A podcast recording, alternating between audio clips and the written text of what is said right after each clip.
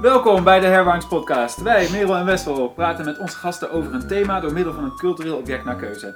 Via deze tekst, film, website, muziek of wat dan ook proberen we het thema van de aflevering beter te begrijpen vanuit onze achtergrond en de achtergrond van onze gasten. Wil je reageren of heb je suggesties of vragen? Contact kan via podcast.herwaarts.nl. Het thema van deze Herwaarts Podcast is de moderne hervertelling. Zolang er al verhalen zijn, worden ze herverteld, bewerkt en aangepast. Met elk nieuw medium worden oude verhalen opnieuw verteld en met elke nieuwe cultuur worden verhalen vertaald en aangepast. Toch is de hedendaagse populaire cultuur nadrukkelijk een plek van hervertellen. Er zijn prequels, sequels, franchises, de serie, de musical, de film, er is een reboot en er zijn cinematic universes. Er is een hervertellingsindustrie ontstaan die herkoudt en bepaalt welke versies van de verhalen in de kanon passen en die vrije bewerkingen met copyright claims bedreigen omdat vermaak een industrie is en industrie grote investeringen en grotere winsten nodig heeft, zijn hervertellingen een veilige keuze die niettemin volledig ingedekt moet worden, betoogt Lindsay Ellis, de video-essayiste. Films zijn vaak te duur om te falen, dus worden er oude publiekslievelingen van stal gehaald en in een markt gezet, afgestemd op een rendabele doelgroep. Zijn hervertellingen in essentie altijd heroriëntaties op een ander publiek? Zouden we meer nieuwe verhalen moeten hebben, bijvoorbeeld met vernieuwde diversiteitsquota's? Of is trouw blijven aan de fundamentele verhalen van onze cultuur juist belangrijk? Hoe blijven oude verhalen toch steeds domineren, ook al zijn ze soms problematisch? Terras vandaag is Lieke, net zoals in aflevering 4 over de vrouwelijke held en aflevering 11 over de female gaze. En zij is medievist. Welkom. Dank je. En Merel is er ook. Yes. Oké, en uh, Merel mag beginnen vandaag. Ja. Um, ik ga het hebben over um, de Bridgerton uh, romance series en de Netflix serie. En het specifiek over het eerste boek, The Duke and I, wat serie 1 is van de Netflix serie. Uh, voornamelijk omdat ik geen tijd had om acht boeken te lezen. um, ik uh, stelde me eigenlijk twee vragen toen ik dit ging behandelen. Namelijk, um, wat doe je met een hervertelling als je het hervertelt in een bepaald medium? Dus dit is van een boek naar een serie gegaan. Wat betekent dat voor het verhaal? En ja, je kan je afvragen, is dit een goede hervertelling of is het een slechte hervertelling? Maar, maar ik dacht later, misschien is het interessanter om te afvragen of het een, wat de functie is van de hervertelling. Waarom vertellen we dit verhaal opnieuw? Uh, en ik wilde beginnen met een hele uh, beroemde, of een heel beroemd citaat. Um, it is a truth universally acknowledged that a single man in possession of good fortune must be in want of a wife. Dit zijn de eerste woorden van Pride and Prejudice uit uh, eh, 1813 van Jane Austen. En um, Pride and Prejudice is zo vaak geadopteerd dat de literaire adaptaties van Pride and Prejudice een eigen Wikipedia-pagina hebben. um, bekende zijn uh, Bridget Jones' Diary en uh, Pride and Prejudice en Zombies. Nou, The Duke and I is dus zo'n Pride and Prejudice adaptatie. En uh, de adaptaties focussen zich voornamelijk meestal op de romance tussen Elizabeth en Mr. Darcy. En die hebben dan vaak wel een andere naam, of Mr. Darcy heeft wel dezelfde naam. Maar um, ze spelen zich dus vaak af in het genre van de Regency romance. De Regency is de periode van 1811 tot 1820 en dat is waar The Duke and I of de Bridgerton-serie zich afspeelt. Het is dus ook toevallig de datum uh, van Pride and Prejudice. Uh, tja. Um, uh, Regency Romance wordt volgens Wikipedia gekenmerkt door intelligent, fast-paced dialogue en very little explicit sex. Dat zijn de uh, traditionele Regency romances, maar je hebt dus ook de historical Regency romance. Ik, vraag me af waarom het historical heet, want het gaat er dus dan juist om dat de personages meer uh, overeenkomen met onze moderne waarden. En dat zie je ook in The Duke and I. En er komt uh, veel meer seks in voor. Um,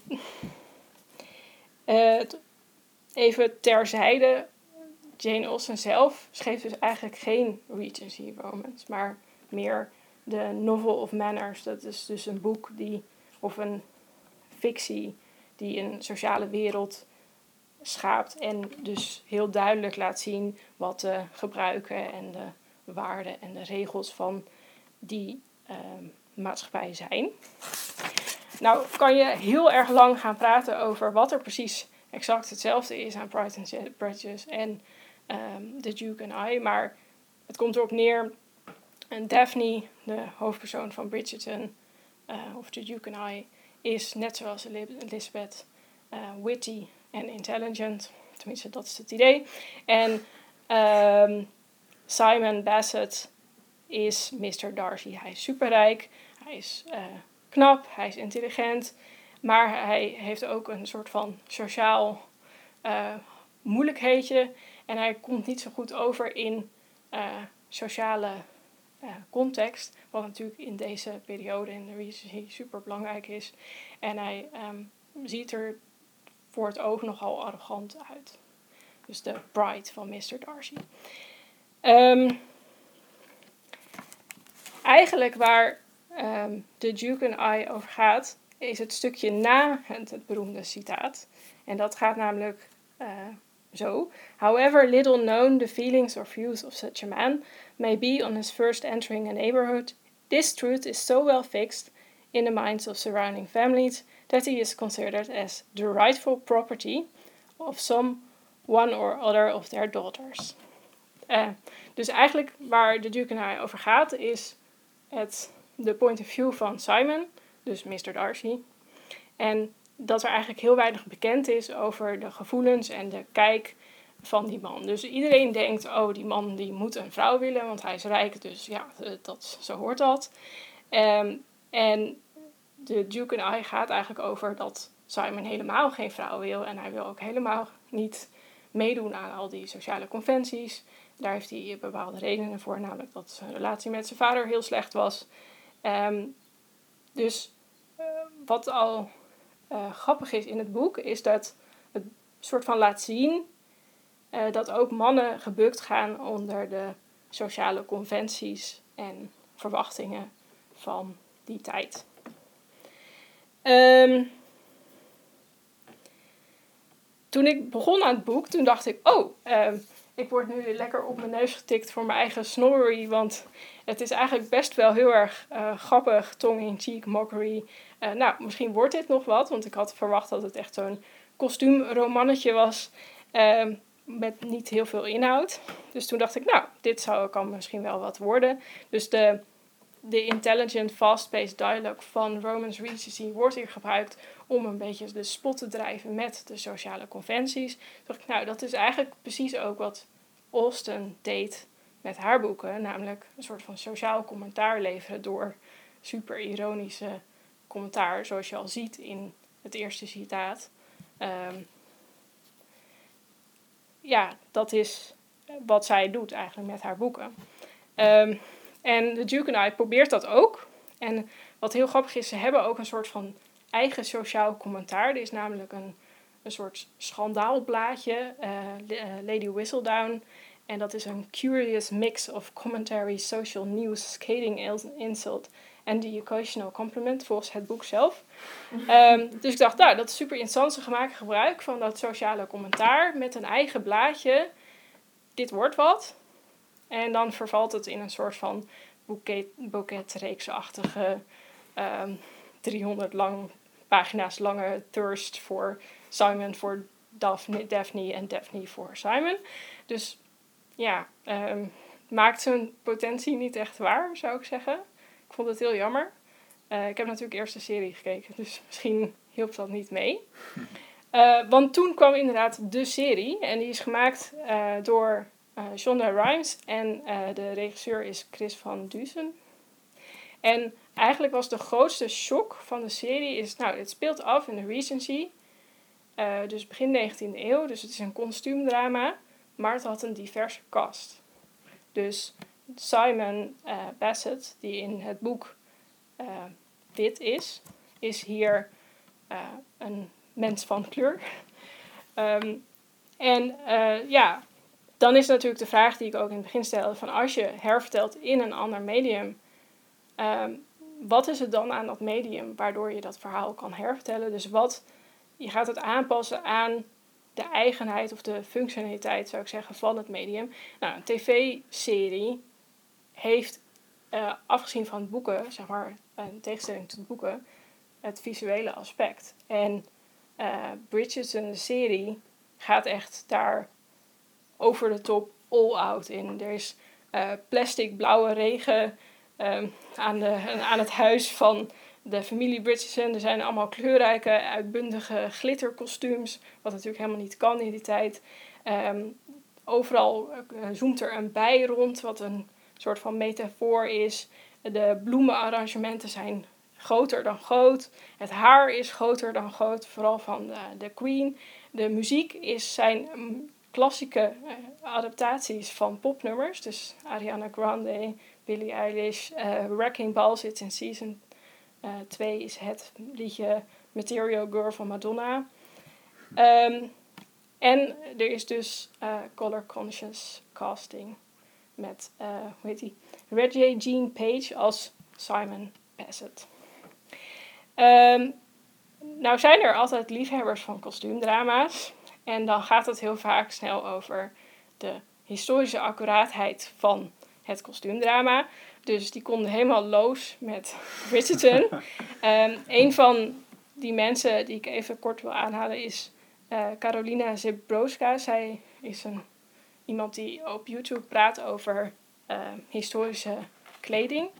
Um, en zij had, heeft de kleding gereviewd van Bridgerton. En dan zegt ze: The costumes are plastic, it's a historical mess and an historical abomination.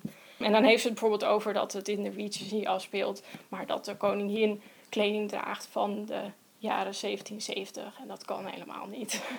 uh, en aan de andere kant heb je dan bijvoorbeeld Abby Cox, dus dezelfde, uh, ook uh, over historische kleding praat zij. En dan zegt ze ja, maar to judge, um, to them on historical accuracy isn't fair, it's historical fantasy. En dan verwijst ze naar bijvoorbeeld het feit dat Billie Eilish de muziek wordt gebruikt. Dus daar, daar kan je al aan zien dat het niet, niet eens poogt om historisch accuraat te zijn. Um, maar wat ik heel grappig vond um, toen ik dit ging uh, onderzoeken, is dat ook ander commentaar en zelfs de seriemaker zelf verwijzen naar het feit dat het historical fantasy is. Onder andere om de diverse kast te verdedigen. Um, en um, mijn, hoe zeg je dat? Mijn thesis is en dat wil ik graag weten of jullie daar misschien ook zo over denken. Of dat jullie tegenwerping hebben. Want ik denk dat er ook wel tegenwerpingen op te vinden zijn. Um, is dat ze zichzelf tekort gaan doen als ze het over historical fantasy. Uh, als ze het historical fantasy noemen. Want dan zet je het eigenlijk net zoals het boek The Duke and I. Als een soort van romance noveltje af. Um, en zo kan je het ook zien, de serie. Ik bedoel, het was super vermakelijk om tijdens de lockdown dit overdadige spektakel te kijken. Maar um, je kan het ook zien als het is een hervertelling van een hervertelling. En dat bedoel ik dus Jane Austen, Pride and Prejudice. Dat juist um, gekenmerkt wordt door het ironische sociaal commentaar wat het levert. En nou denk ik dat de serie, dus de visualiteit van het medium, uitbuit uh, door volledig ridicuul over de top te gaan. Uh, en daardoor valt juist de diversiteit van de cast in het oog. En zou ik zeggen, Bridgerton is een parodie. En een parodie is een imitatie van de stijl van een, een bepaalde schrijver of een artiest of een genre. Dus in dit geval zou ik zeggen een genre met uh, deliberate exaggeration, zoals het Oxford Dictionary zet. Dus het is plastic. Dus dat is precies het punt volgens mij. En daardoor. Um, Shonda Rhimes zei zelf in een interview met Harper's Bazaar dat ze wil dat de serie een uh, holding up a mirror for the audience en holding open a window. Dus ik zou zeggen, het, het is niet zelf een kostuumdrama, maar het is een parodie van een kostuumdrama. En daarom ligt het bij ons soort van sociaal commentaar neer door een diverse kast te gebruiken. Wat dus, vinden jullie daarvan? Dus dan, dus dan uh, is een uh, historische fantasie genre. Dat kan een parodie zijn, maar dat hoeft het niet te zijn. Want je kunt over van alles fantaseren dat het dit is of dat is. Maar omdat het deze fantasie is, waarin nadrukkelijk diversiteit speelt en dat wordt dan visueel ondersteund door, door, door de plastic uh, esthetiek, noem ik het maar even. Um, word je dus geconfronteerd als publiek met um, waarom kijken we naar allemaal verhalen waar alleen maar witte mensen die al rijk zijn en uh, allemaal andere mensen uitbuiten, de hele tijd met elkaar uh, romantisch in contact komen of zo. Dat is dan de spiegel daarvan. Ja, en, en het eerste wat mensen gingen doen is toen ze dat zagen, is denken van ja, maar dat klopt helemaal niet. Mm -hmm. uh, want vroeger was het helemaal niet zo. Er waren helemaal niet, er waren geen mensen van kleur in de, in de adel, zeg maar, in de hogere sociale klasses. Um, in Engeland. In Engeland. Ja. Um, en dan ga je, het eerste wat je, zeg maar, als je research-minded bent, ga je het opzoeken. Dus dat heb ik natuurlijk ook gedaan. In hoeverre, zeg maar, wat, wat uh, in hoeverre maakten mensen van kleur deel uit van de samenleving toen. Maar je gaat ook, want je verwacht namelijk iets van een kostuumdrama. Namelijk dat je eigenlijk alleen maar witte mensen ziet. Ja. Uh, en dat is nu niet zo. Dus je wordt eigenlijk bijna geconfronteerd met je eigen um, ja, verwachtingen. Ja. ja. Um, ik vraag me af, ik heb ook wel eens uh, iemand gehoord die het fanfiction noemde. Hm. Uh, dat vond ik ook wel een mooie term, omdat dat ook, daar zit wel echt de band met het originele materiaal in, maar toch ook het bewustzijn van het is iets wat nu geschreven is. En bij een parodie denk ik toch ook denk ik aan iets wat heel erg kritisch is op het origineel, terwijl ik, nou, ik heb alleen de serie gezien, hm. maar het uiteindelijk toch ook wel de bedoeling is dat je echt in het verhaal meegaat en dat je ja, dat er ook toch ook wel een soort liefde voor de Regency-periode in zit. Dus Ja, ja dat, dat vond ik zelf ook interessant toen ik, uh, ook toen ik het boek ging lezen. Is um, ook in de serie, uiteindelijk is het ook vermaak. En je, je gaat ook gewoon nog steeds mee in de, in de liefde en vooral ook de lust van Simon Bassett en Daphne Bridgerton. Um, het gaat ook nog steeds over hun liefdesverhaal en hoe ze uiteindelijk bij elkaar komen. En dat dat, dat gebeurt, dat weet je natuurlijk, want dat is een, een standaard van genre. Um, dus het, het is zo, zowel gewoon, gewoon, zeg ik nu, vermaak en, en het geëikte liefdesverhaal wat we kennen. Dus je kan het zo lezen en dan is het inderdaad gewoon heerlijk om naar te kijken. Uh, maar er zitten ook dingetjes in dat ik denk, ja, je kan het ook anders zien. Zeg maar. Je kan er meer in lezen. Maar wat ik dus vooral ook grappig vond, is dat ze, de makers zelf, heb ik het idee dat ze misschien zelf niet eens inlezen. Dus denk ik, ligt het dan aan mij? uh, want bijvoorbeeld uh, Chris van Dusen, die zei van... Uh, Bridgerton is een reimagined world. Um, we are not a history lesson. Dan denk ik, maar dat ben je dus juist wel. Tenminste, zo lees ik het namelijk. Want door dit zo aan ons te tonen, gaan we ons afvragen: hé, hey, wat, hoe was het toen? En hé, hey, hoe vinden we dat genre nu, de kostuumdrama? Um, ik zag uh, dat er een nieuwe verfilming komt van Persuasion. Dat is ook een boek van Jane Austen. En daar zit, uh, daar, daar zit ook een diverse cast in. En daar zit gewoon onderdeel, volgens mij, tenminste, ik heb het natuurlijk nog niet gezien, want hij is nog niet uit. Maar dat is ik heb wel het idee dat door Bridgerton er een soort van de deuren open zijn gegaan voor een nieuw idee van wat een kostuumdrama kan zijn. Ja. Ik denk heel nadrukkelijk dat als een maker zegt: Dit is geen geschiedenisles, dan wil die uh, af van de associatie bij geschiedenisles van je wordt geïnstrueerd met feitelijke informatie en het moet kloppen. Ja. Ik denk dat de meeste mensen daar, uh, dat hij verwacht dat de meeste mensen daaraan denken bij een geschiedenisles. Waar jij meestal een geschiedenisles denk ik ziet als een instrument om te bevragen hoe de bronnen van vroeger iets zeggen over toen en over nu. En uh, als een soort manier om kritisch te kijken naar hoe we de geschiedenis opbouwen. Ja. Um, en in die zin is het natuurlijk wel een geschiedenisles, omdat het een soort van vraagtekens spraakt bij aannames, maar ook bij Um, het bouwen van een, een soort periode. Want jij, jij maakt het onderscheid net tussen uh, historical fantasy en uh, de historische Regency romance.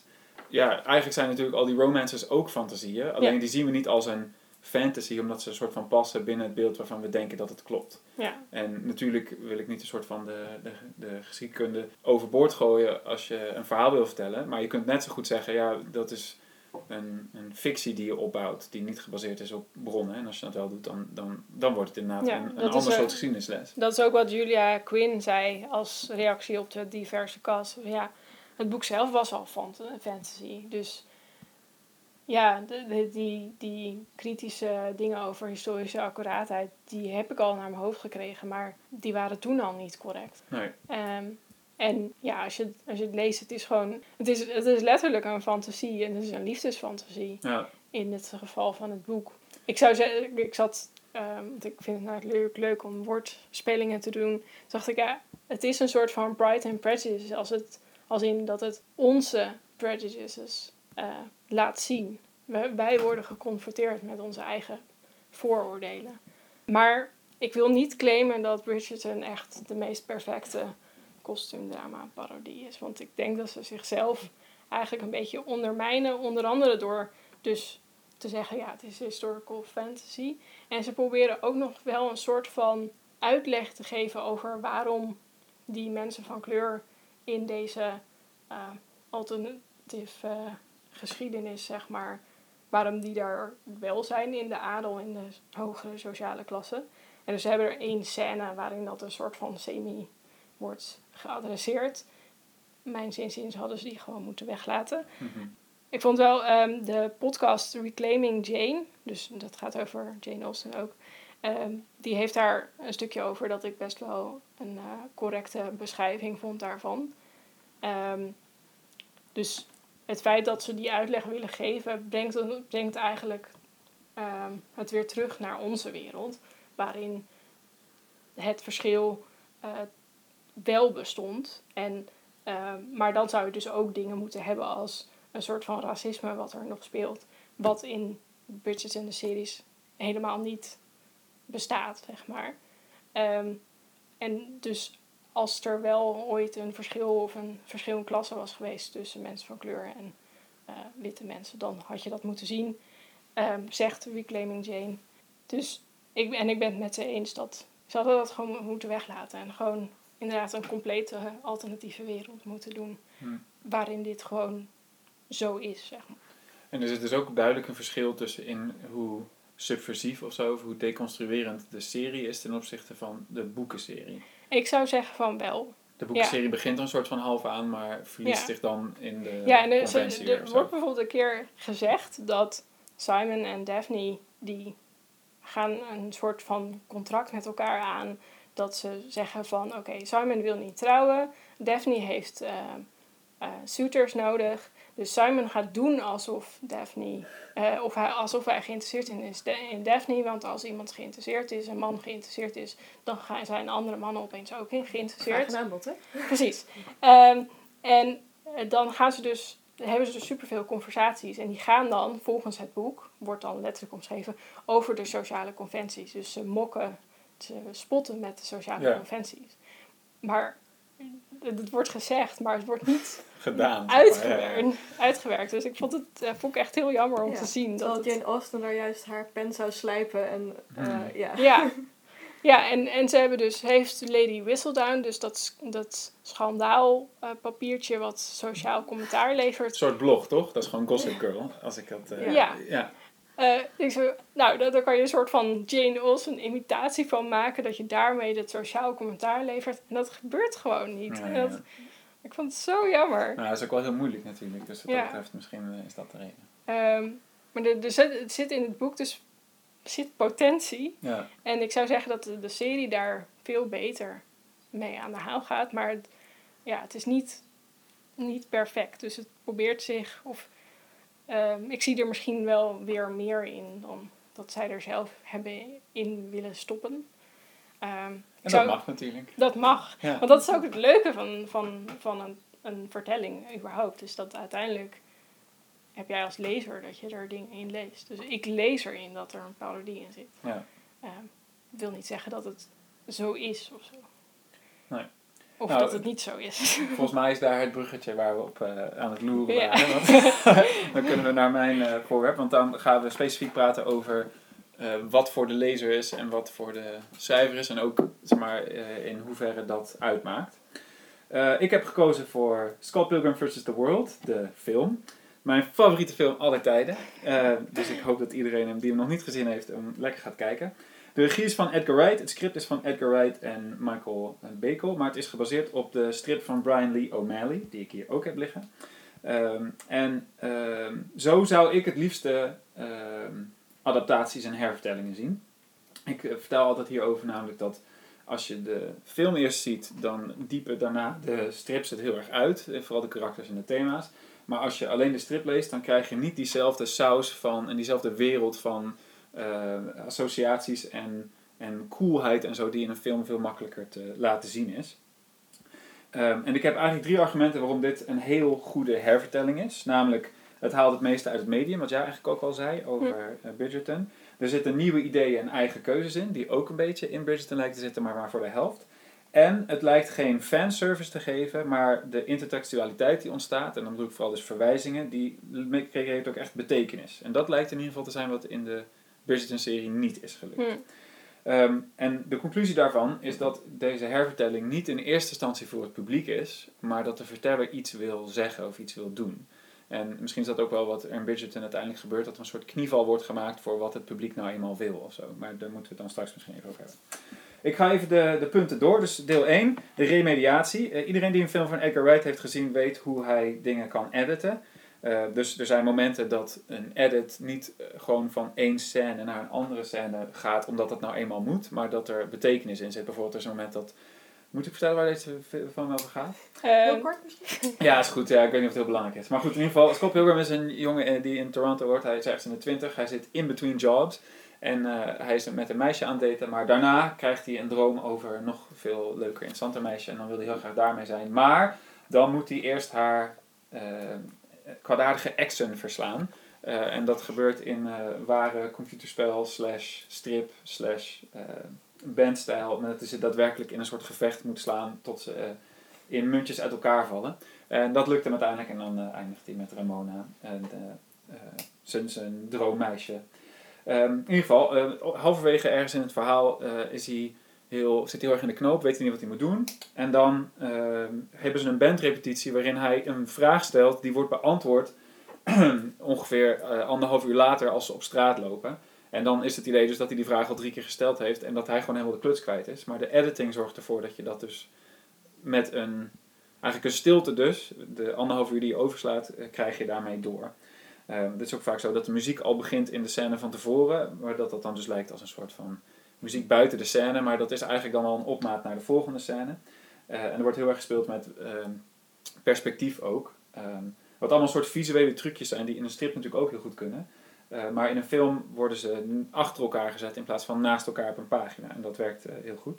Er worden heel veel sound effects gebruikt van games. Dus je hebt de muntjes en KO en zulke soort geluiden die daadwerkelijk uit computerspelletjes komen. Die kun je in een film laten horen. Terwijl ze in de strip kan je ze laten zien, maar dan, dan ben je er natuurlijk nog niet helemaal. Er zitten muziekverwijzingen in. Sowieso de band waar hij in speelt heeft een heel repertoire gekregen. Wat aansluit bij de, de thema's van de film. En eh, heel erg de, de sfeer ook. Ehm, en er is ook een, eh, een verwijzing naar Zelda bijvoorbeeld van muziek. Zodat de, de mensen die eh, de geluiden waar naar wordt verwezen in de strip het nu ook daadwerkelijk kunnen horen. Maar dat is aangevuld met allemaal dingen die je in een strip nooit zou kunnen weergeven. Zoals achtergrondmuziek terwijl iets gaande is. Eh, en dan is natuurlijk ook nog eh, animatie. Er zijn een aantal stukjes eh, waarin ze de strip gebruiken als een soort achtergrondverhaaltje. En daar gebruiken ze animatie voor en er zitten ook effecten in. Op een gegeven moment gaat hij een level omhoog en mag hij een, een vlammend zwaard uit zijn borstkast trekken. Eh, nou, daar moet je natuurlijk iets van CGI mee doen, maar dat, dat wordt een moment. In de strip zit dat er ook en in de film kunnen ze dat heel flitsend weergeven. Ik bedoel, ik zou best een eh, vlammende katana uit mijn hart willen trekken als ik eh, iemand de liefde verklaar. Maar goed, oké. Mooie metafoor. ja, toch? Ja. Ja. Ehm, dan hebben we eh, nieuwe ideeën die ze toevoegen en eigen keuzes. Het is namelijk een heel trouwe hervertelling op heel veel manieren, maar er zitten ook bepaalde dingen in die in er niet in zitten en andersom. Bijvoorbeeld een van de exen is een bassist. En daarmee is het een soort rivaal van de hoofdpersoon Scott, want dat is ook een bassist. Maar in de, in de stripserie wordt dat een vrij lange eh, strijd die ze dan hebben. Dan gaan ze een winkel in en dan worden ze alle twee overweldigd door de, eh, de hoeveelheid aanbod die daar is, die zo goedkoop is. Het is een soort action, zeg maar. En eh, dan, dan is het een soort uithoudingsstrijd. Maar hier hebben ze er een, een baswedstrijd van gemaakt. Het was natuurlijk heel moeilijk weer te geven in de strip, maar in de film kan je dat heel goed doen, met de muziek ook. Er zijn heel veel stukjes die ze natuurlijk moeten snijden, want de stripserie is zes boekjes lang. En dan hebben we een film van anderhalf uur. Dus ze hebben allemaal dingen daar uitgesneden die ze vaak op een hele ludieke wijze wel even noemen. Eh, er is een heel stuk over dat zijn droommeisje in zijn dromen zit, omdat zij door subspace highways gaat in mensen hun dromen. Eh, en in de film zegt ze op een gegeven moment, oh ja, oh ja, I forget you guys don't have that in Canada. Ehm, en eh, Crash and the Boys zijn een heel ding. Dat is een, rivaliserende band in de stripserie. Die wordt eh, verast in een van de gevechten hier. Ehm, maar aan de andere kant zijn dus ook dingen worden, die worden toegevoegd. En een heel mooie daarvan vind ik dat met zijn eerste vriendinnetje speelt hij eerst zo'n soort eh arcadespel waarbij je samen moet dansen op vierkantjes. Alleen zijn ze dan twee ninjas die samenwerken, wat natuurlijk mooi eh vooruitwijst naar de gevechten die ze samen gaan hebben. Ehm, maar als dat dan misgaat, dan komt die Nega Ninja tegen, de, de, zijn, spiegelbeeld zeg maar. En als hij hem dan verslaat, dan is hij af. En dan komt er zo in de, achtergrond in beeld, dan komt er zo'n teller, weet je wel, 9, 8, 7, 6. Dan moet je er een muntje in doen, anders dan kan je niet verder. Dan staat er dus continue. Maar dat gaat dan later dus ook over zijn relatie. Ehm, wil je wel verder met deze relatie? Continue. Eh, en uiteindelijk komt hij ook Negascott tegen. Eh, en dat is in, de, in het boek echt een heel ding wat er doorheen gewoven zit waar hij tegen moet vechten. Zichzelf natuurlijk. Hm. Maar eh, in, het, in de film komt hij echt de laatste vijf minuten nog even voorbij. Dit is nog erger dan de eindbaas. Eh, maar dan eh, lopen ze op een gegeven moment samen gewoon naar buiten. En dan zegt hij van, oh nee, het was eigenlijk best gezellig. We actually have a lot in common. en dan hebben ze afgesproken om een keer koffie te gaan drinken. Hm. Ehm, dus dat zijn dan soort slimme manieren om eh, eh, dingen toe te voegen of dingen weg te halen. zodat je je eigen verhaal vertelt. In plaats van alleen maar alles erin moeten stoppen omdat het in het andere verhaal zat, zeg maar. Ja, En dan, oh sorry, ja, Ja, als ik mag. zeker. Dat is denk ik een van de, de cruciale dingen bij een hervertelling. Ga je inderdaad alleen een rehash doen van... Oké, we hebben een boek, maar we gaan er nu plaatjes bij geven. Ja. Of gaan we inderdaad een hervertelling doen. Ja. En vertellen we het haal- een verhaal opnieuw en zitten er nieuwe elementen in. Ja. Ja. Ja, en ik denk dat het bij heel veel films gaat dat vaak mis. Als in een film die, eh, of een boek waarbij je een verteller hebt, die worden in films vaak een voice-over. Ja. En dat is bijna altijd een zwaktebod. Want dan, dan gebeurt er dus niets, maar dan zie je gewoon wat je ook verteld wordt, zeg maar. En dat, dan denk ik altijd, ja, dit had je dus beter anders kunnen doen in een film. En dat is ingewikkeld, maar goed, ja, misschien had je dan dit, deze tekst niet moeten kiezen of zo. Denk ik. Goed, dan mijn laatste punt. Geen fanservice, maar betekenisvolle intertextualiteit. Eh, in de strip zitten natuurlijk heel veel kapows en kabooms, zoals jullie je inmiddels waarschijnlijk kunnen voorstellen. Ehm, en er zijn ook van die typische stripreactiemomenten, dat je zo'n zo'n reep, of eh, zo'n, zo'n, hoe noem je dat? Ja, reep, omdat het een soort ribbon is met eh, vier of vijf gez- ge- gezichten die zo reageren. Hm. Ehm, en die stop je natuurlijk ook in de film, want dat is leuk. En dan kan je denken, oh, dat is dat ene stukje of dat ene stukje. Maar samen met die verwijzingen naar de games en de muziek laat dat ook iets zien over hoe Scott de wereld ziet. Want het gebeurt niet op elk moment, maar het gebeurt op momenten dat hij in, in crisis zit of zo. Dit is hoe zijn wereld werkt. Dus die, die stripverwijzingen, die er in de strip al in zitten, maar die ook op andere manieren worden aangevuld, die, die betekenen daadwerkelijk iets. Eh, en daarom zeggen ze dus altijd iets over zijn karakter, of over een van de thema's, of over de sfeer. Er is een moment dat eh, hij zijn computer opstart. Eh, eh, tenminste, eigenlijk eh, de vorige scène zijn ze net in slaap gevallen en dan wordt er een eh, kat gemaakt en dan is er licht en dan hoor je tataam, weet je wel, van zo'n oude Windows computer die opstart. Ehm, en dat is dus zowel iets voor de nieuwe dag die opstart, als dat de computer wordt opgestart, als dat de eh, persoon die nog lag te slapen wordt wakker gemaakt door Scott. Dus dat is een soort eh, bruggetje om drie, vier dingen bij elkaar te brengen, waardoor je denkt, oh ja, zo'n computergeluid. Maar het is niet dat, dat daar houdt het niet bij op, zeg maar. Er is nog een ander moment dat hij eh, een beetje aan het. Hij wordt een beetje ongelukkig, want hij moet tegen een van de exen. Of hij moet in ieder geval naar een, een band waar zijn ex-geliefde ook bij was. En eh, dan komt er een liedje van eh, Zelda voorbij. Fairy Mountain heet het. Dus. Misschien kennen jullie het. Ehm, en normaal gesproken in de Zelda-dingen zit je dan in een soort van plek waar je kunt bijkomen, waar je je kunt terugtrekken en waar je in kunt genezen. In dit geval gaat hij naar de wc. dus hij, hij trekt zich een soort terug uit die scène en gaat hij naar de wc. Daar zit ook zo'n pee-bar in die dan leegloopt. Wat natuurlijk ook een soort grappige verwijzing is. Maar ook, dit is hoe hij zijn, zijn behoefte vervult, zeg maar. En dan doet hij eventjes nog zo half zijn handen wassen. Ehm enige film die ik ken waar, je, waar iemand trouwens moet plassen ook, maar goed. Eh, en dan doet hij de deur weer terug open en dan is hij in zijn droom. Dus dan is hij eigenlijk alweer aan het slapen. Hm. En dan wordt dus dat muziekje naast een verwijzing naar hij gaat genezen of hij trekt zich terug. Ook een brug tussen twee scènes. En het zegt ook iets over hoe hij dus eh, moet, moet opladen omdat hij een, een lastige keuze moet maken. Nou, dan heb ik er nog een paar, maar ik denk dat het, het punt inmiddels wel duidelijk is. Ehm, dit is een hervertelling die dus gebruik maakt van het medium en die eh, nieuwe ideeën heeft en andere ideeën laat vallen.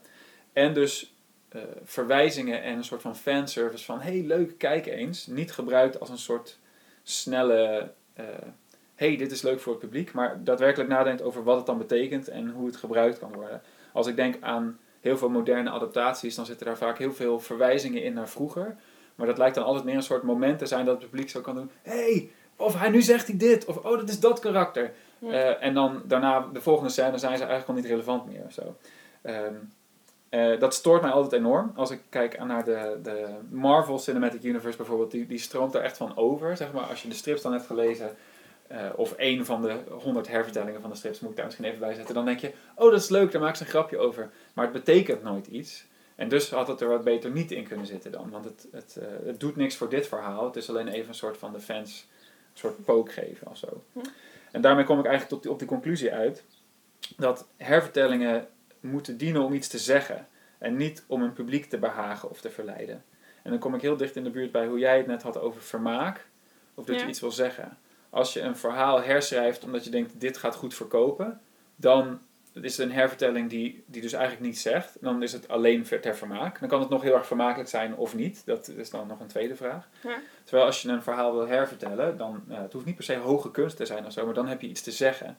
Ehm, en dat betekent dus dat je niet eh, zomaar iets overneemt, maar dan, dan verhoud je er, je ertoe. Eh, bijvoorbeeld door te parodiëren, maar bijvoorbeeld ook door bepaalde dingen weg te halen en toe te voegen, omdat je denkt dat dat het karakter beter laat zien of zo. Ehm, fanservice kreupelt daarmee dus verhalen en hervertellingen. En dat komt omdat de industrie natuurlijk onderzoek doet naar, onderzoek doet naar wat werkt goed voor een publiek.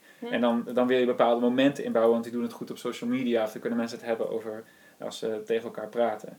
En dat is volgens mij bij Game of Thrones ook gebeurd. En bij Disney remakes, weet je wel, Bell and Based. Daar, daar ging die Lindsay Ellis eh, video die ik het net even citeerde ook over.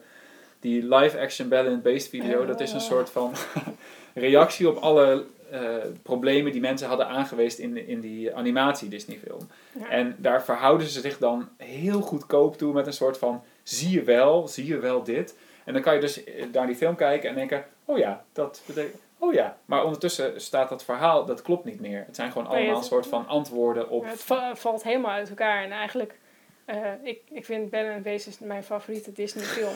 dus ik ging uiteraard eh, naar, ook naar, naar de nieuwe, nou ja, nu niet meer zo'n nieuwe film. Mhm. En, maar dit was opeens een soort van smachtend. Dat zat natuurlijk ook al in de Disney film, maar het was heel vervelend. En dat, ze hebben een nieuw liedje toegevoegd Mhm. eh, van het beest. En dat- Want er moet een... eh, dat, dat moet erin zitten, zo'n liedje. Ja. En het, het was echt tenenkrommend. En dat, maar dat, dat is ook wel interessant aan, zeg maar, de echte miljoenen eh, romantiek novella boekjes.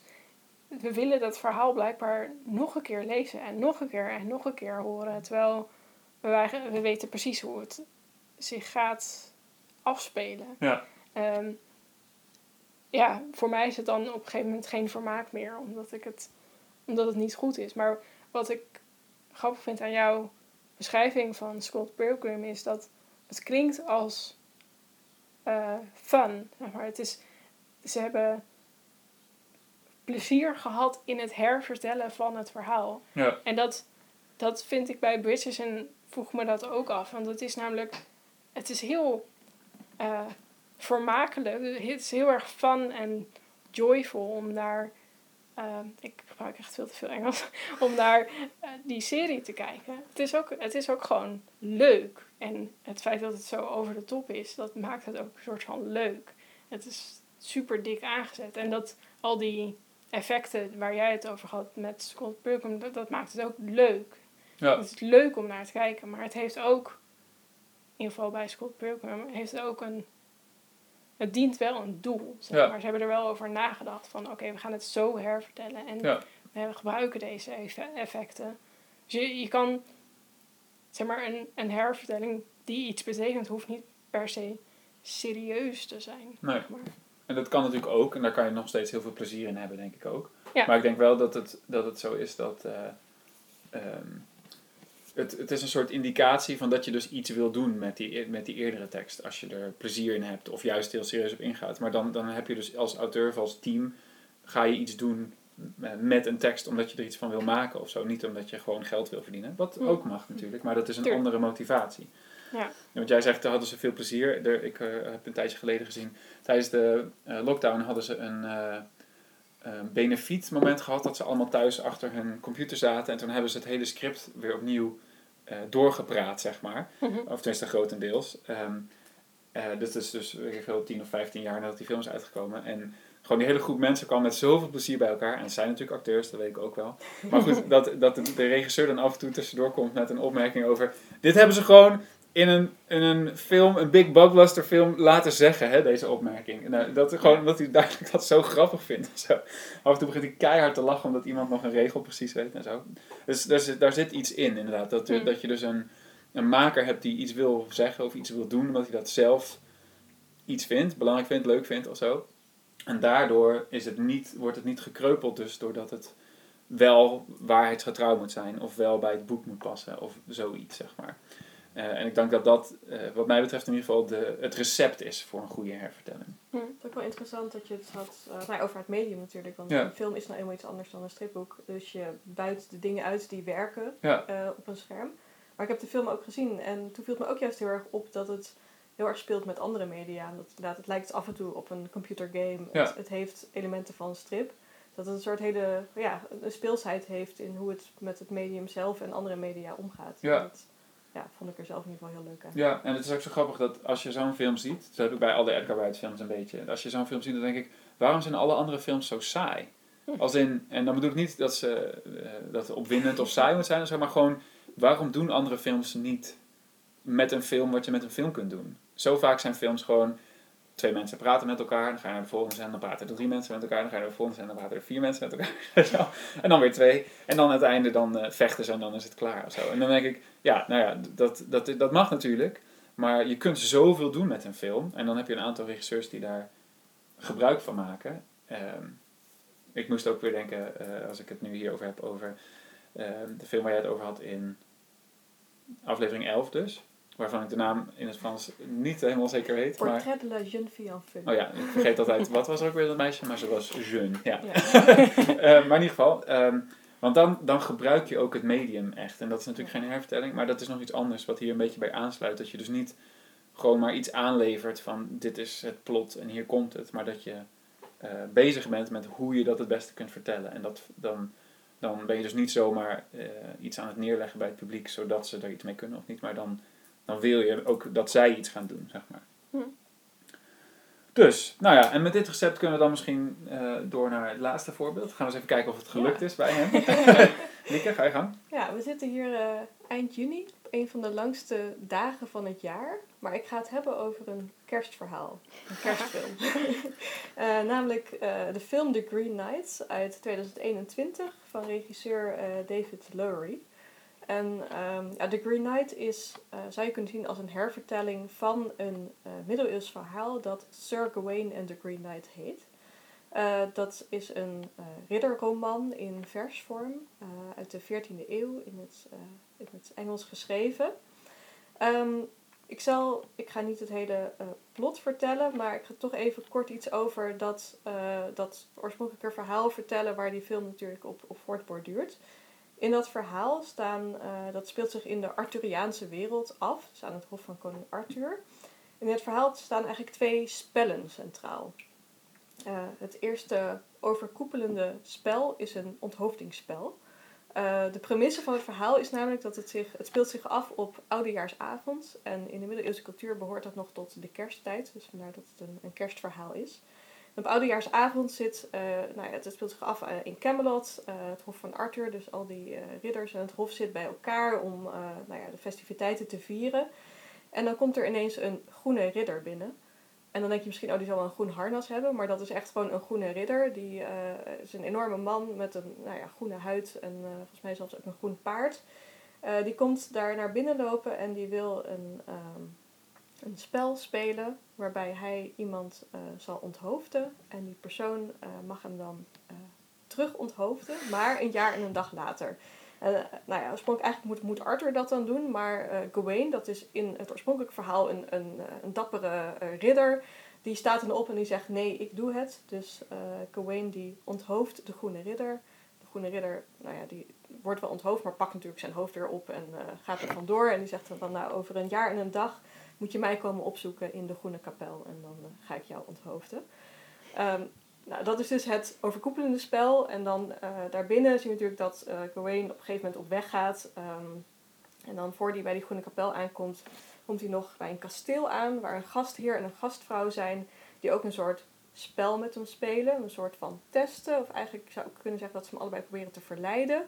Eh, en dat, dat, ja, dat spel is dus ook een soort van test van, van eerbaarheid. Ehm, wat weer Hm. samenhangt dan met het, andere, de, het uitkomst van het andere spel. Ik zal niet precies vertellen hoe het afloopt. Dat is trouwens ook bij film en boek eh, verschillend.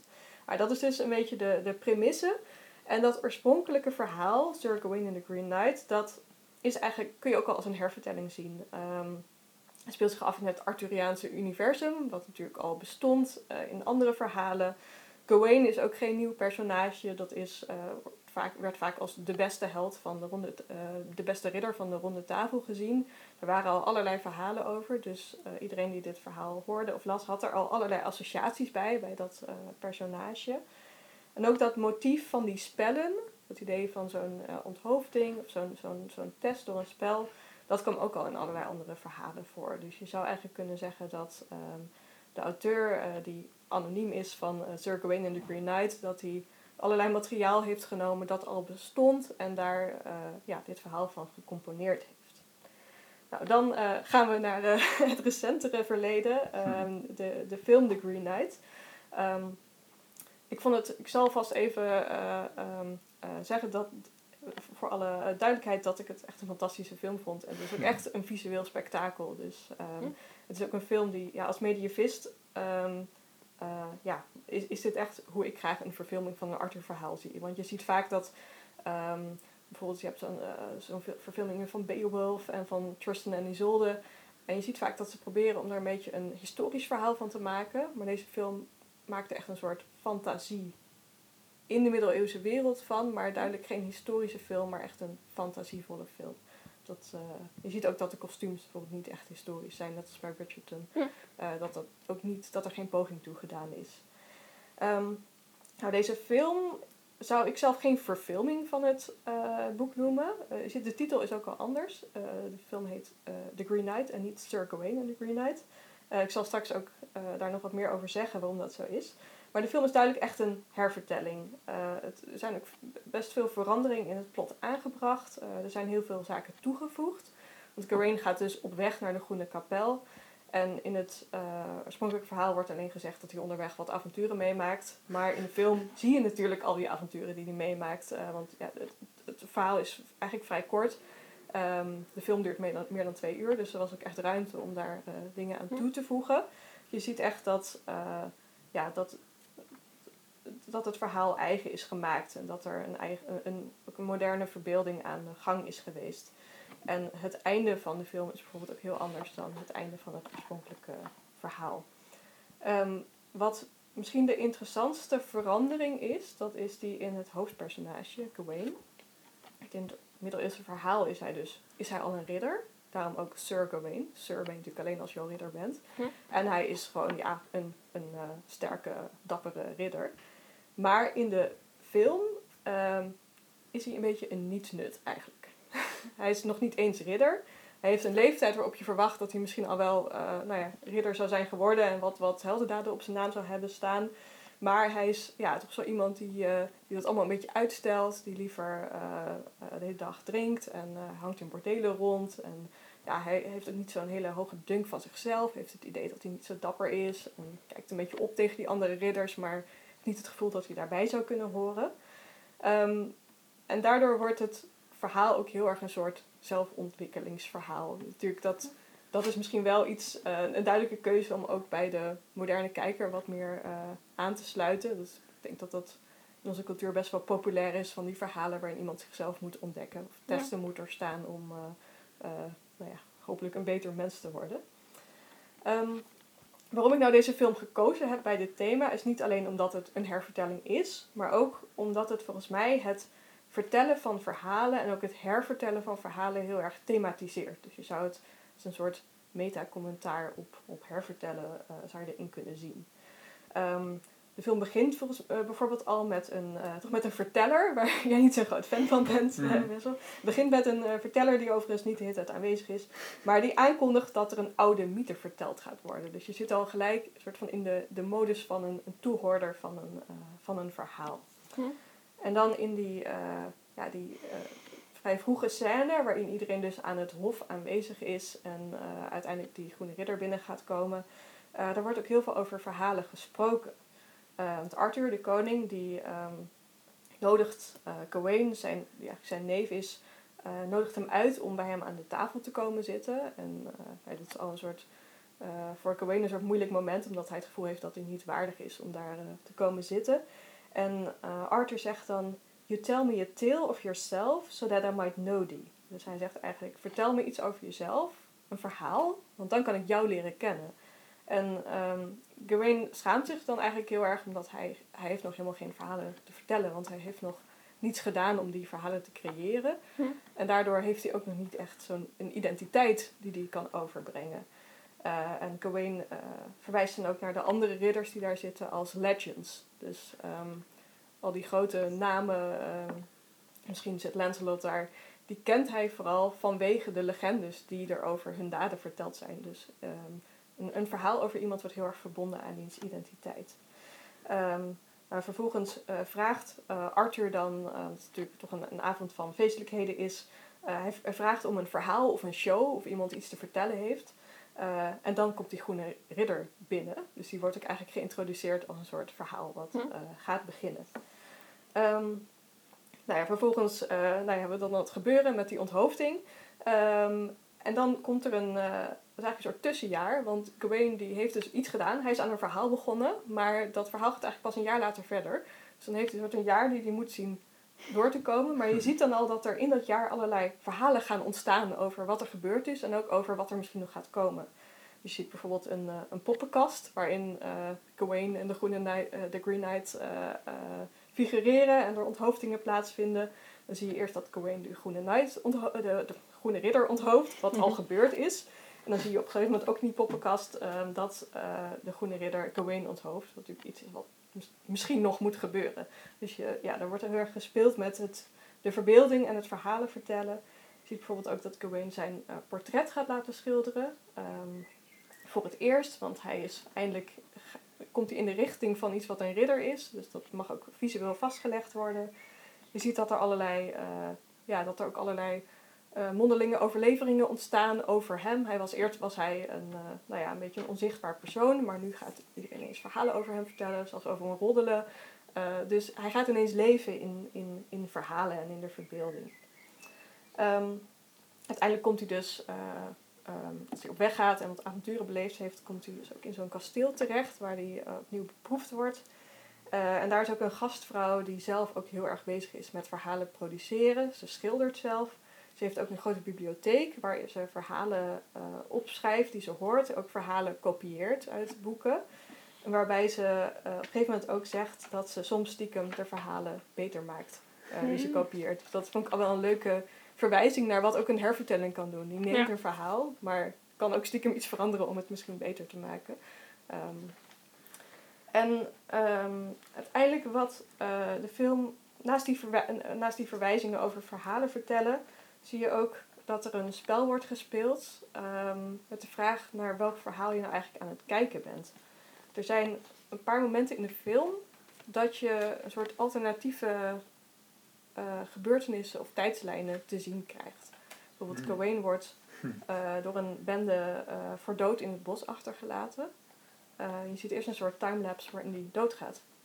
En dan ineens ga je van terug en leeft hij nog en weet hij zichzelf te redden. Hm. Maar dat, daar, ja, daarbij kun je dus wel de vraag stellen, ja, dat die alternatieve verhaallijn waarin die doodgaat, is dat niet het verhaal naar we, waar we naar kijken? Is dat ook een verhaal waar we naar hebben gekeken? Is dat misschien het echte verhaal en zien wij wat we nu verder zien, is dat misschien eigenlijk een fantasie van hoe het gegaan zou kunnen zijn? En ehm, zoiets speelt ook op het einde van het verhaal als Gawain uiteindelijk in de kapel aankomt en ehm dus stil moet gaan liggen om onthoofd te worden. Ehm, dan krijgen we verschillende van opties voorgeschoteld van wat er zou kunnen gaan gebeuren. Wordt hij onthoofd of niet? Als hij niet onthoofd wordt, wat, nou waar leidt het dan uiteindelijk toe? Ehm, en zo ja, speelt de film een beetje met eh, ja, toch het hervertellen, wat je dus op meerdere manieren kunt doen. Is het niet, uit, niet helemaal duidelijk wat nou uiteindelijk het verhaal is. Mhm. Eh, en dat vind ik heel mooi, omdat het daarmee heel erg een, een open hervertelling is. Dat niet zegt, nou, dit is het verhaal. Maar dat heel erg eh, ja, de mogelijkheid van meerdere verhalen in zich houdt. En dus misschien ook wel aanmoedigt om eh, weer nieuwe hervertellingen te maken. En eh, ja, dus wat mij betreft is dit een, een meta-commentaar op hervertellen, maar ook een geslaagd voorbeeld van hervertellen. Ja. Ja. Ja, die openheid is wel heel interessant, hè? Want dan, dan ga je dus in tegen de, eh, de rechtlijnige verwachting van het publiek, om te beginnen. En ehm, eh, we hadden het er van tevoren ook al even over. Je gaat ook in tegen het idee dat er één ding dus kanoniek is, of, Ja. of de juiste vertelling. Ehm, en dan, dan kun je dus vrij hervertellen. En dat doe je dan dus ook niet per se omdat het op een bepaalde manier hoort of moet, maar juist omdat blijkbaar vind je dat waardevol. Misschien is het voor Gawain waardevol om het op een bepaalde manier te vertellen en voor de podcastspelers om het op een andere manier te vertellen. En eh, dan krijg je dus heel erg juist ook, wel- ik vind het een heel fijne zin die koning Arthur spreekt. Kunnen we meteen met die wijsheid straks de podcast misschien gaan afsluiten. Dat als je iemand een verhaal vertelt, dat je dan iets leert over degene die het verhaal vertelt. Ja. En als een eh, media-industrieel complex je een verhaal vertelt, natuurlijk kan je dan iets leren over het media-industrieel complex, namelijk dat ze geld willen verdienen. en dat ze cynisch zijn, maar niet, je leert niet iets over een persoon dan of zo. En Ja. natuurlijk zitten daar nog steeds ook wel mensen in. En het is niet allemaal zo hol als ik het nu voordoe. Maar het is, het is niet een soort, we laten het allemaal op onze eigen manier vertellen en allemaal op onze eigen manier presenteren. Maar veel meer een, één ding, want dat, dat is belangrijk of dat hoort zo. En Ja, terwijl een, een goede hervertelling zelf, goede tussen, zou zegt van zo kan het ook, maar het zegt ook iets inderdaad over de tijd waarin het wordt herverteld. Ja. Jij zei in het begin van je verhaal van het feit dat Gawain in de film een soort van ontwikkeling doormaakt, zegt is een moderne adaptatie. Ja. Ehm, Ja, is het, eh, ja als je, je ziet dat natuurlijk ook wel in middeleeuwse verhalen, maar eh, misschien wat minder in, in dit specifieke middeleeuwse verhaal. Maar je ziet wel, ik vind het wel mooi hoe de film heel erg balanceert tussen recht doen aan eh, het oorspronkelijk verhaal en, en toch een moderne publiek proberen aan te spreken. Het is, ik, het is denk ik echt niet een, een film die iedereen leuk zal vinden, omdat het toch best wel langzaam is eigenlijk. En het heeft niet heel veel actiescènes die je misschien met eh, zo'n ehm middeleeuws verhaal associeert. Dus het heeft het is het geen, eh, het is zozeer niet een soort fanservice aan het brede hedendaagse publiek. mhm. Dus het probeert wel echt trouw te blijven aan het materiaal. Maar probeert wel te bedenken hoe het relevant kan zijn in de tijd van nu. Er Ja. zit er bijvoorbeeld ook thematiek in die, eh, die heel eh, ja, met ecologie te maken heeft. En eh, ja, Hm. natuurbehoud. En, dus dat kun je erin zien. En dat ehm, zit al wel in het oorspronkelijke verhaal. Maar is denk ik benadrukt omdat dat nu ook relevant is. Ja. Ja. ja, het is ook interessant dat dat stukje van ehm, geschiedschrijving ontstaat. Dat zodra je praat over dit is wat er gebeurd is, dit zijn de verschillende versies over wat er kan gaan gebeuren of wat er gebeurd is, dan kom je heel erg bij de discussie terecht die wij in aflevering 9 ook hadden. Over historiografie en fictie en hoe ver die uit elkaar zijn te halen. Want ik was al aan het denken over, er zijn heel vaak verhalen waarin dingen herverteld worden op verschillende manieren met een, een bepaalde gedachte erin om jezelf groter te maken of iemand anders kleiner te maken of zo. En toen zat ik daar een beetje aan, aan eh, een van mijn andere favoriete boeken te denken, Ridley Walker. Toen dacht ik, hadden we het daar nou over gehad? En toen zei hij poppenkast. Toen dacht ik, ja, daar hebben we het over gehad. Want daarin wordt dus, dat, dan is de poppenkast een soort, poppenkast een soort staatspropaganda om... eh, en dat bleek ook nog eens aflevering 9 te zijn. maar dat, dat, het is interessant, want dan, dan neem je verhalen dus niet... ehm, dan is het niet vermaak in de eerste plaats, hoewel poppenkast misschien dat eh, vaak kan zijn ook. Maar dan, dan is het de beeldvorming, en wat dat betreft is het grappig dat we alle drie een visuele hervertelling van een boek hebben genomen. Een, een verbeelding over zo is het gegaan of zo speelt dit zich af of zo. En dat zegt dan weer zowel iets over het publiek als over de maker. Ja, dat, maar dat is ook wel, dat vond ik interessant als ik het over geschiedschrijving. Want de geschiedschrijving die wij nu kennen en die wij, denk ik, mede door kostuumdrama's denken te kennen, is oh, recency periode. de- Of de periode van vroeger was super wit en eh, mensen van kleur, zij, waren eigenlijk alleen maar slaven. Ja. Maar doordat we Bridgerton hebben, ik ben gaan opzoeken Hm. hoe ging het echt. En dat, ik was niet de enige. Dus er zijn nu allerlei eh, blogs en YouTube filmpjes en allerlei andere eh, nieuwskanalen die hebben uitgezocht hoeveel mensen van kleur waren er nou eigenlijk echt in de recency periode. Ja. En eh, er wordt bijvoorbeeld gezegd, het was een, een normaal deel van het Britse leven. Ja. Eh, eh, ja, ze waren niet zoveel in de upper class, maar het ook wel, het was niet afwezig. Dus we krijgen nu een hervertelling van de geschiedenis, doordat we een hervertelling hebben gehad van, Misschien eh, ja, moet ik om aan te sluiten bij Ja. Bridgerton ook nog even zeggen dat ehm, in de film The Green Knight eh Gawain ook een man van kleur is. Hm. Namelijk door Dev Patel gespeeld. En dat is niet zozeer een verandering ten opzichte van het originele verhaal, want daar wordt niks gezegd. ja. Eh, Ja, nee, nee, dat is The Green Knight. Oh niet, ja, oh ja, sorry. Ja, ja. ja, maar eh, het is wel duidelijk ook een, eh, een, een keuze Ja.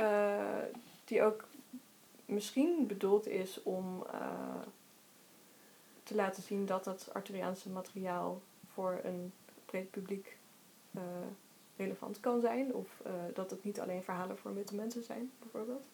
Ehm, maar wat ook interessant is, dat eh, wat veel mensen niet zullen weten, is dat er in de middeleeuwse Arthuriaanse wereld ook best wel wat mensen van kleur voorkomen. Bijvoorbeeld de, in een Nederlands verhaal de ridder Moriaan, die ook zwart is. Hm. Ehm, de bekende ridder Parsifal heeft een, eh, een halfbroer die eh, ook deels zwart en deels wit is. Ehm, en zo, de film kan dus ook een mooie, een mooie aanleiding zijn voor mensen om daar meer over te leren. Ehm, Ja. Dat het inderdaad ook al in die middeleeuwse verbeelding eh, zo was. Ja, wat grappig dat het dan eh, in ons gesprek steeds eh, naar voren komt dat het een soort van beeld, een hervertelling geeft eigenlijk een, een kans om de beeldvorming over zowel het eerdere verhaal als de context van het eerdere verhaal te herzien. Nou, dat is logisch, want je vertelt het opnieuw. Ja. Maar dat, eh, dat je daar dus niet alleen. eh, ja, het is een beetje een soort complexe grafiek die ik in mijn hoofd heb. Je zegt niet alleen iets over de schrijver van toen en het boek van toen en de context van toen, maar ook iets over de schrijver van nu, de tekst van nu en de context van nu. ja. En dan ook nog eens over hoe die met elkaar in verbinding staan. Want je kunt dus zeggen, nou, ik als acteur van kleur wil graag nu een, eh, ook in zo'n rol spelen. Of ik vind als regisseur dat dat belangrijk is of zo. Eh, maar je kunt ook als publiek juist gaan kijken naar waarom het oude verhaal dat dan dus niet had of zo. Dus er zijn allemaal Ja. openingen. En juist in zo'n eh, open idee van, nou, maar wat nou als eh, Harry Potter gay is of zo. Of wat nou als, en dan kom je dus in die fan, fanfiction hoek terecht ook. Dan zijn hervertellingen dus echt een soort van verkenningsmiddelen om eh, al deze zes factoren en de verbanden ertussen een soort van te, te verkennen. ja. Een soort Eh. van, zo, zo zou het ook kunnen. Ja, ja en dan, dan, zou je dat, dan kan je dat dus zowel tegen J.K. Rowling zeggen van, zo had jij het ook kunnen doen. Maar je kunt ook zeggen, oh, zo hadden tovenaarsverhalen al veel langer kunnen zijn. Of je kan zeggen, nou ja, goed, en dan kan je allemaal eh, eh, variaties bedenken daarop. Hm.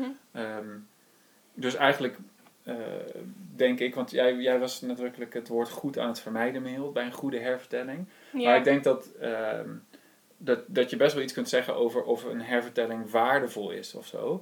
Als het een van deze dingen een soort van openbreekt en niet ehm, Ja, daarom ging ik uiteindelijk eh, in mijn gedachtegang eh, gisteren toen ik dit voorbereidde naar de functie van de her of de functionaliteit Ja. van de hervertelling. Van wat, wat doet het? Ehm, het is een soort spel, zoals in eh, The Green Knight spelen. Ja, misschien wel. ja. ja, en dan wordt het een, een spel met betekenis en verbeelding. Dus Ja, dat is een mooie zin. ja, nou, dan, dan is het blijkbaar weer tijd. Zo grappig dat deze podcast toch ook bepaalde patronen heeft die helemaal niet per se eh, nadrukkelijk worden nagestreefd, maar waar we toch steeds in landen. We vertellen het verhaal steeds opnieuw. Ja, misschien moeten we een keer een soort spin-off maken. Dat, dat we een andere groep van drie mensen, dan nemen we Werel en Messel of zo. En die maken Ja. een podcast over iets anders. Dan doen we een hervertelling van de Herwaarts podcast. Herwaarts? Wow. nou goed, dan, nu is het echt tijd om te stoppen. Ehm, bedankt allemaal en eh, tot de volgende keer. Yes.